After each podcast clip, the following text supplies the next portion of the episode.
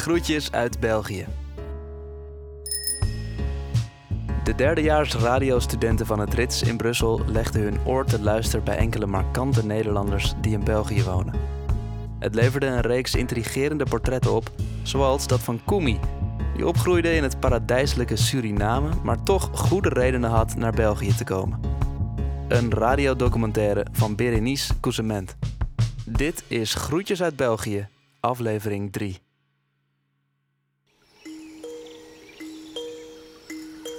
Suriname is het mooiste land van Zuid-Amerika, zeg ik altijd. Ja? Ja, het eten, de mensen, de natuur, alles daar trekt aan. Als je een avonturier bent, moet je naar Suriname. Dit is Kumi.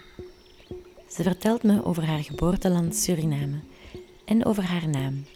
Want Kumi betekent kracht. Het is een heel mooie plek om op te groeien. Ik ben daar tot mijn elfde opgegroeid. Super mooi land. Op haar elf jaar verliet Kumi Suriname samen met haar moeder en trokken ze naar Nederland met het gezin. Later is Kumi teruggekeerd om er de man van haar leven te zoeken. De meeste Surinamers zijn heel ontvankelijk. Ze zullen je nooit iets weigeren. Ze zullen je altijd helpen. Ze zijn heel warm qua karakter, soms ook wel pittig. En tussen alle charmante, pittige mannen was er eentje die haar hart wist te bekoren. Hij is heel lief, heel sociaal, heel zachtaardig, doet geen vliegkwaad. Maar hij is ook heel strikt. Hij, heeft, hij is heel disciplinair van hè, dit is waar ik in geloof en dit doe ik niet. Samen krijgen ze een dochter en een zoon. Maar bij de zwangerschap van haar zoon liep het mis. De dokters kwamen met slecht nieuws. Toen hebben ze me al gezegd van hè, dit gaat uitlopen op een miskraam of een vroege geboorte waar we niets mee gaan kunnen doen. Dus u mag kiezen. Je houdt het en je wacht het af. Of u laat het nu curateren. Kumi koos voor het eerste. Ik geloof in leven. Ik ben niet zomaar zwanger geraakt van mijn zoon. Ik heb PCOS, dus in principe kan ik niet zwanger raken. Dus vanuit die gedachte heb ik gezegd: ik hou mijn kindje. Ik zie wel wat er gebeurt. Week 23 ging het mis. ik was alleen thuis en um, ik word er een beetje emotioneel van. Ik was alleen thuis en mijn vliezen braken. Haar vliezen braken op 23 weken. Net zoals in België en Nederland wordt je kind pas behandeld na 24 weken in Suriname. In Frans-Guyana ligt deze grens gelukkig op 23 weken. Kumi moest dus overgebracht worden naar Frans-Guyana om haar zoontje te kunnen redden. Van deze tocht kan ze zich amper nog iets herinneren. Ik kan me dat stukje weet ik gewoon niet meer. Ik denk dat het meer de trauma is of de medicatie of iets. Ik weet het niet. Maar ik weet wel dat ik in een helikopter zat en dat ik van de ene stad naar de andere werd overgevlogen. De levensvatbaarheidsgrens voor baby's ligt op 24 weken. Zowel haar zoon als Kumi zijn in gevaar. De dokters besluiten om Kumi onder narcose te brengen en een operatie uit te voeren om haar zoontje Sam te redden. Er zijn succesverhalen bekend voor baby's onder de 24 weken, maar die zijn heel erg zeldzaam. Sam was zo'n zeldzaam verhaal. Sam was nog geen kilo.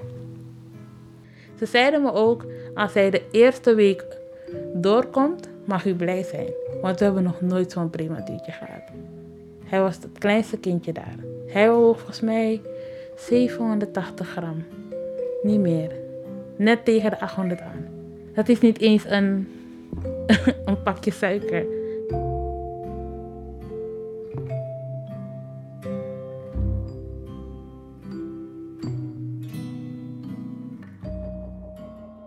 Hoe was het dan voor jou toen je de eerste keer je zoon Sam had gezien? Het was een shock. Echt een shock. Het eerste dat ik dacht is, dit is niet mijn kind. Hij zag er niet uit als een baby. Het was meer voor mijn gevoel. ehm, hij had zelfs iets, iets dierlijks. Heel veel haar over zijn gezicht. Als zijn, zijn huid was zo dun, flinterdun, dat je eigenlijk zijn bloedvaatjes goed kon zien. En er stond bij zijn bedje geen Sam. Er stond garçon. En dat was het. Dus ik vroeg aan hem, ja, maar wie is garçon? Het is niet mijn kind, mijn kind heet Sam. In mijn beleving heb ik hem een naam gegeven. Maar ik, pas later bedacht ik me, je hebt niets meegemaakt. Je bent uit die operatie in coma gegaan. Je bent wakker geworden. Je was aan het helen. En toen pas kwam je bij je kind. Ze weten niet hoe die heet. Ik weet niet of je ooit een pasgeboren aapje hebt gezien. nee. Nee, kijk. ik woon hier in Suriname. Dat beeld had ik. Dat, dat, is, dat is waar het voor mij op leek. ja, Hij leek niet op een baby. ja. Het was meer, omdat ik ben opgegroeid in het oerwoud, weet ik hoe die eruit zien als ze geboren worden. Klein en ielig en helemaal bibberend. En dat was mijn zoontje. Die lag letterlijk de hele tijd te trillen. En ik had zoiets van, ja, maar is dit normaal? Maar ik denk dat het meer, je, je hebt een bepaald beeld bij hoe je kind eruit gaat zien. Ja? Toch? En ik had het bij Noah, mijn dochter. Die kwam er volmaakt uit. Mooi dik kindje, volle bos haar. En dat is echt totaal het tegenovergestelde van wat ik dan gekregen heb. Voel je dan liefde voor je kind op die moment? Op dat moment niet. Het was zo vreemd. Hij voelde niet als mijn kind. Is precies wat ik ook aan die arts zei: van dit is niet mijn zoon, ik wil mijn zoon. Omdat ik me niet kon voorstellen dat een kind zo klein kon zijn. Ik had nog nooit zo'n klein kind gezien. Nog nooit. Toen ik hem de eerste keer mocht aanraken, had ik zoiets van... Hij is mens. A human. en ehm, ik had pas echt het gevoel dat hij mijn kindje was. Toen ik hem mocht vasthouden. Want dat is het. Als je het kind niet mag aanraken, dan voelt het niet als van jou. Ik stond letterlijk achter een raam te kijken naar hem. Ik voelde geen enkele verbindenis met dat kind. Hij leek niet op mij, hij had niets van mij. Hij leek niet eens op een baby. Pas toen ik hem mocht aanraken. Toen begon ik warm te lopen voor hem. Maar niet iedereen sloot Sam in zijn armen. Op haar familie kon ze niet rekenen. Ze vertelt mij over een vloek, oftewel Dwangadu Anawisi. toen mijn zoontje zo werd geboren, te vroeg, ehm, werd dus in de familie van zijn vader gezegd, dat is de vloek die de familie van zijn vader met zich meedraagt. Daarom is mijn zoontje zo geboren. Het heet Dwangadu Anawisi. Met andere woorden, als jij mij iets aandoet en ik kom te overlijden. Stel nou je slaat me neer met een stok en ik val neer en ik overlijd. En later in jouw leven komt er een kindje of er gebeurt iets met jou dat eigenlijk negatief is, een kindje met een handicap of dat jij zelfs gehandicapt raakt. Dan zegt men, oké, dat is de vloek van. Weet je nog wat je had gedaan met die ene mevrouw of whatever. Dat is die vloek, dat heet visie bij ons. Dus voor hun kan het niet zijn dat de natuur heeft beslist dat Sam te vroeg kwam. Dat, bestaat voor hun niet. Er moet een reden achter zitten. En het is vaak genoeg een vloek. Dus de opa van mijn man toen had een slang doodgemaakt in zijn eh, tuin. En in dat deel van het oerwoud mag je die slang niet doodmaken. Als je dat doet, krijg je een vloek over je familie. Abracadabra.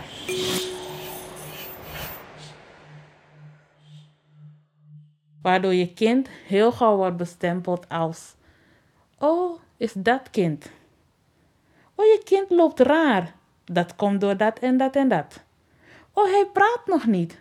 Dat zal die vloek wel zijn. Ik heb zes jaar lang dat soort dingen moeten aanhoren. En als je dan hier komt en je krijgt de diagnose autisme, dan denk je, ook dat nog. Vanaf het moment dat hij geboren is, hebben ze me in het ziekenhuis gezegd in Frans-Guyana. Schrik niet als jouw kind hoogbegaafd is of dat hij een ontwikkelingsstoornis heeft. Het is één van de twee.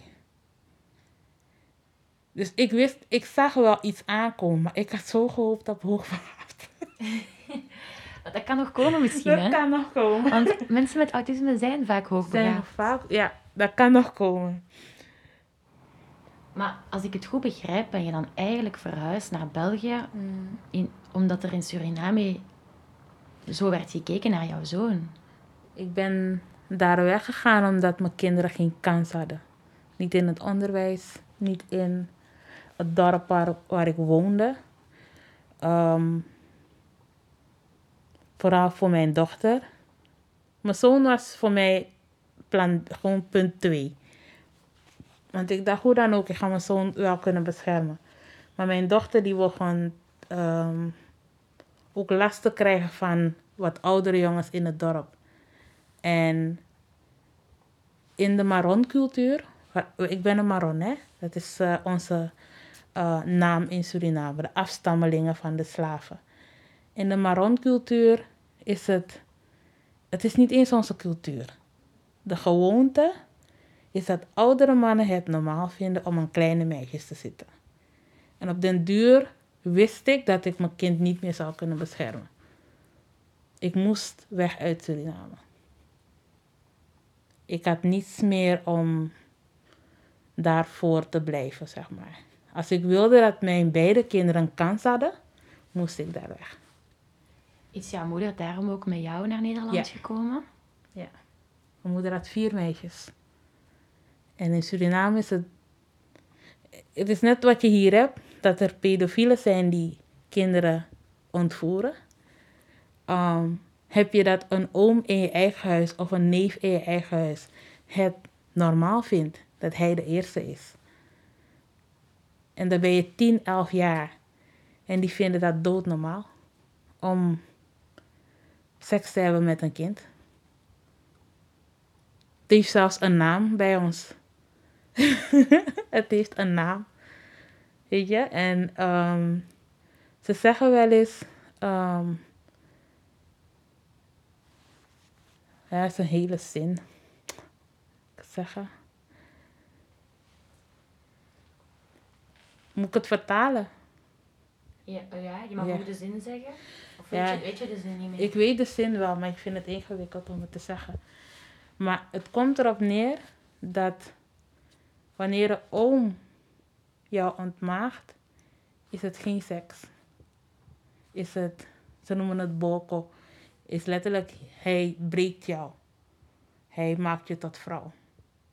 En een oom of een neef of een vader of een opa die dat doet, die wordt heel vaak vergeven door de mensen om je heen. Ze zien het niet als iets kwalijks. Liever een oom of een neef dan iemand van buiten. I know. Wow. Ja. En dat wordt heel vaak in de doofpot gestopt. Heel vaak. Als je dat als kind uit, dan is het van, wees blij dat hij het was. En niet iemand anders. En dit mag je nooit meer vertellen. En ik wilde dat niet voor mijn dochter. Absoluut niet. In de Maron-cultuur is dat... Niet, het is niet normaal, het is geaccepteerd en men moffelt dat weg. wow. Dus ik wilde voor mijn dochter wilde ik dat niet. Echt niet. En jouw moeder wou dat voor jou ook niet. Mijn moeder was te laat, maar ze, ze wist dat niet. Echt? Ja, was veel te laat. Ja. Ik wilde dat echt niet voor mijn dochter. Hoe, hoe oud was je dan? Zes. Zes. Ja, Huh? zes jaar. Maar is die man niet in, in de gevangenis? Nee, dat is mijn opa. Jouw opa? Ik vertelde het op mijn elfde aan mijn oma. En die zei aan me, als je dit aan iemand anders vertelt, dan hebben we geen eten meer, want hij zorgt voor ons. En toen heb ik het nooit meer verteld. Mijn moeder heb ik verteld op haar sterfbed. En toen ze dat hoorde, zei ze, ik wist het. Ik wist dat hij het gedaan had. Iedere moeder weet dat. Dat weet je gewoon wanneer dat gebeurt. Maar in onze cultuur is dat zo geaccepteerd. En ik vind het pijnlijk dat ik moet vluchten uit mijn eigen land in principe. Waar ik zelf zo'n mooie jeugd heb gehad, los daarvan. Om een, een gewoonte.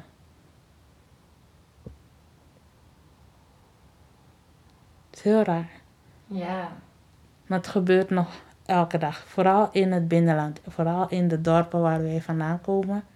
Waar er geen bescherming is. Waar er geen autoriteit is. Ehm, de wil van de mannen in het dorp is wet. En als meisje van 10, 11 jaar, zodra je een beetje borsten krijgt en ze zien dat, dan hebben ze het recht om op, een of andere manier om jou te ontmaagden. Want liever hun dan iemand van buiten. Dat is toch absurd. Amai. Ja. En leeft die opa nog? Ik heb ook niet gehuild toen hij overleed. Nee. Ik was blij dat hij weg was. Ja. Die heeft het met alle nichtjes die ik ken, heeft hij het gedaan of geprobeerd. Iedereen die over de vloer kwam. En die kwam daar natuurlijk mee weg omdat mijn oma hem zo beschermde.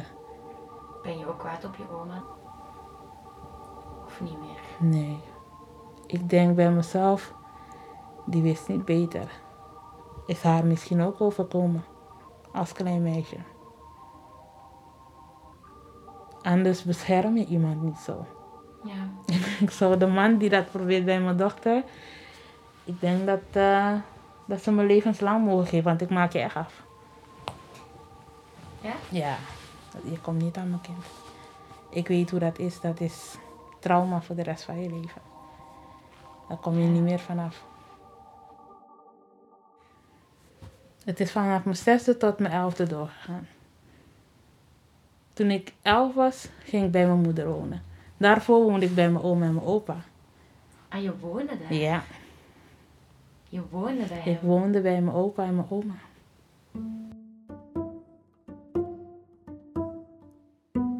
En elke zondag moesten we dan mee naar mijn oma haar tuin of naar de kerk.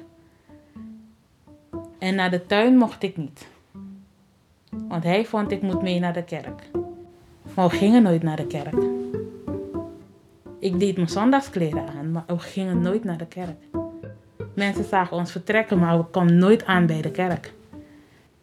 Vertel dat maar eens aan je oma.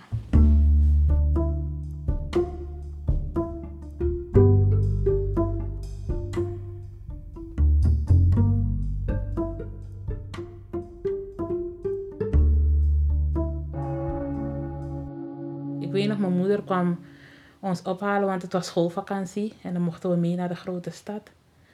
En ik heb huilend in de auto gezeten naar de stad. En ze heeft me een paar keer gevraagd, ik zou tien worden, ik weet het nog. Wat is er met je aan de hand? En ik, ik was zo opgelucht dat ik die schoolvakantie niet daar zou zijn. Dus ik zei er, ik ben heel blij dat ik met u meega. En ik denk dat mijn moeder toen wist dat het niet goed zat. Want ik ben niet meer teruggegaan. Ik werd tien in de stad, in Paramaribo. En ik bleef bij haar. En mijn opa en mijn oma zijn een paar keer geweest om ons weer op te halen. En ze zei nee, ze blijven. En ik was twaalf toen we naar Nederland vertrokken. In Nederland heeft Kumi dit trauma nooit met iemand besproken.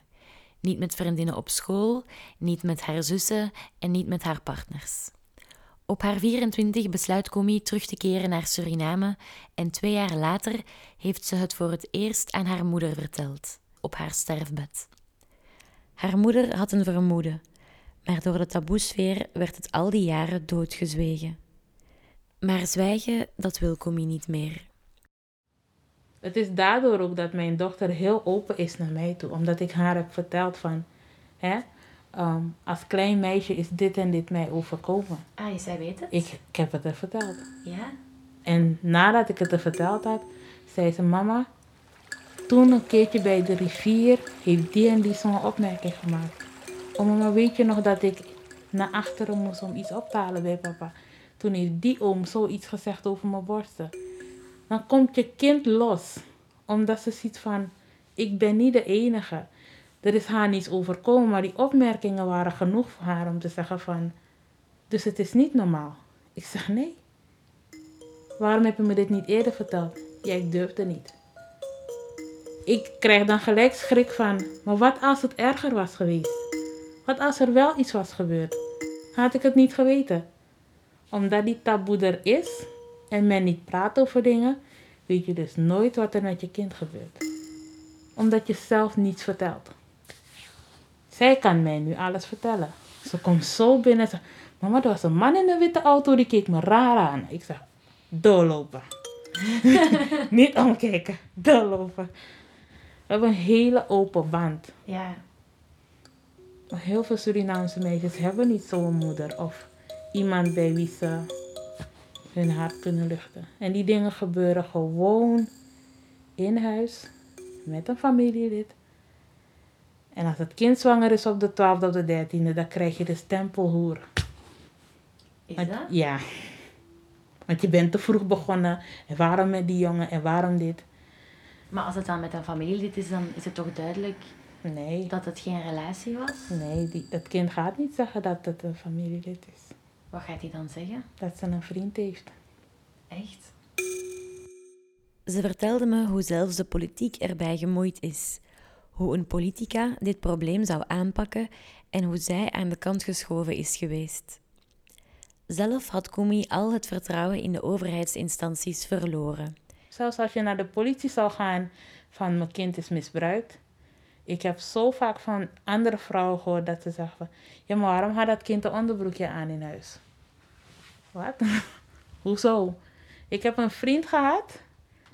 Mijn laatste ex die aan mij zei... Mijn dochter was acht. En hij zegt aan mij... Noah moet leren om kleren aan te trekken. Ze kan niet in haar onderbroek in huis rondlopen. Ik zeg, ik denk dat jij weg moet.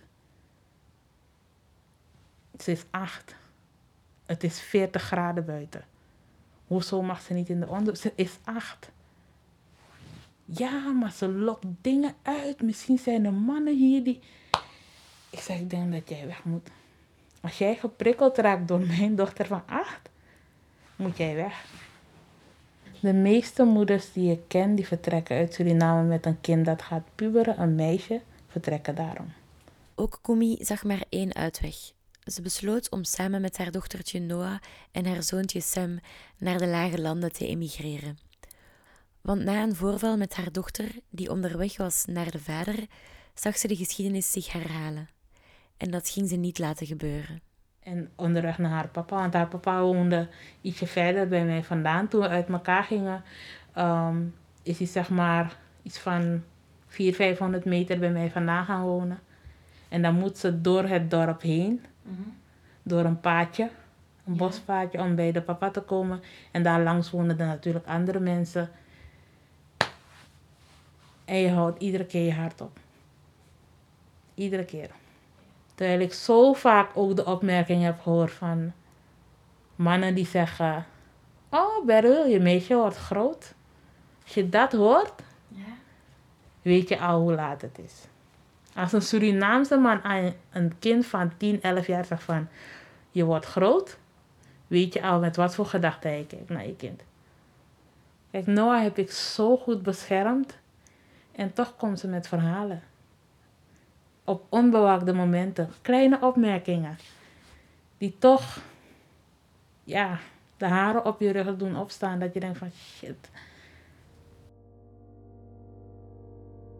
Ik durf mijn kinderen nu niet bij iemand op school te laten zitten.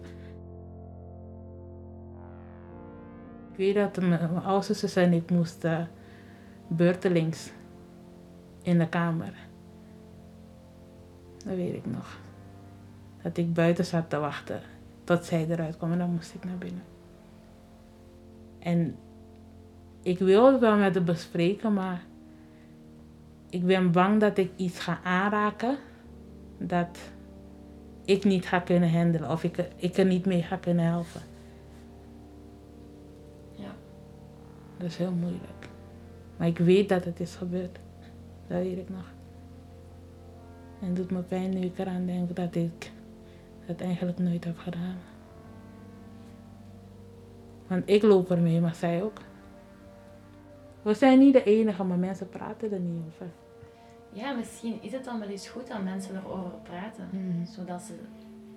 Net als ik denk, ah, ik ben niet de enige. Kumi woont momenteel in een dorp in België. Ik vroeg aan Kumi hoe het nu met haar gaat. En met haar kinderen, Noah en Sam. Als je zoveel hebt meegemaakt, van kleinste van, van kind af aan. Hoe oud ben je? Als ik Ehm, vraag mag? 25. Ik was 25 toen ik Noah kreeg. Ik was 26 toen mijn moeder kwam te overlijden. Als je binnen zo'n korte tijd zoveel trauma hebt, kan het je of breken of het kan je super sterk maken.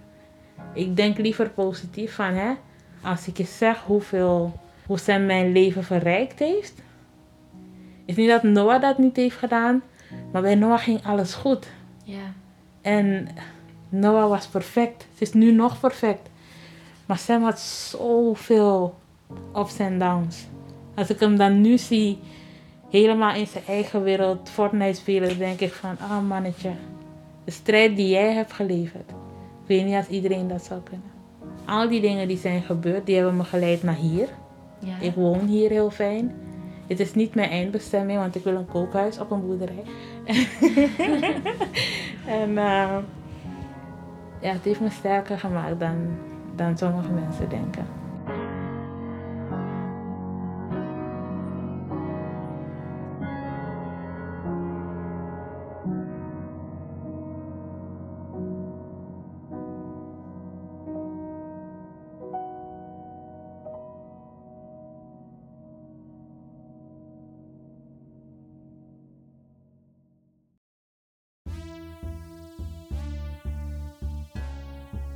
Je luisterde naar Kumi, de derde aflevering van Groetjes uit België. Een samenwerking tussen het Rits en Vlaams-Nederlands Huis De Buren. In aflevering 4 schetst Marie Neefs het leven van Romy. Te beluisteren in je favoriete podcast-app en op www.deburen.eu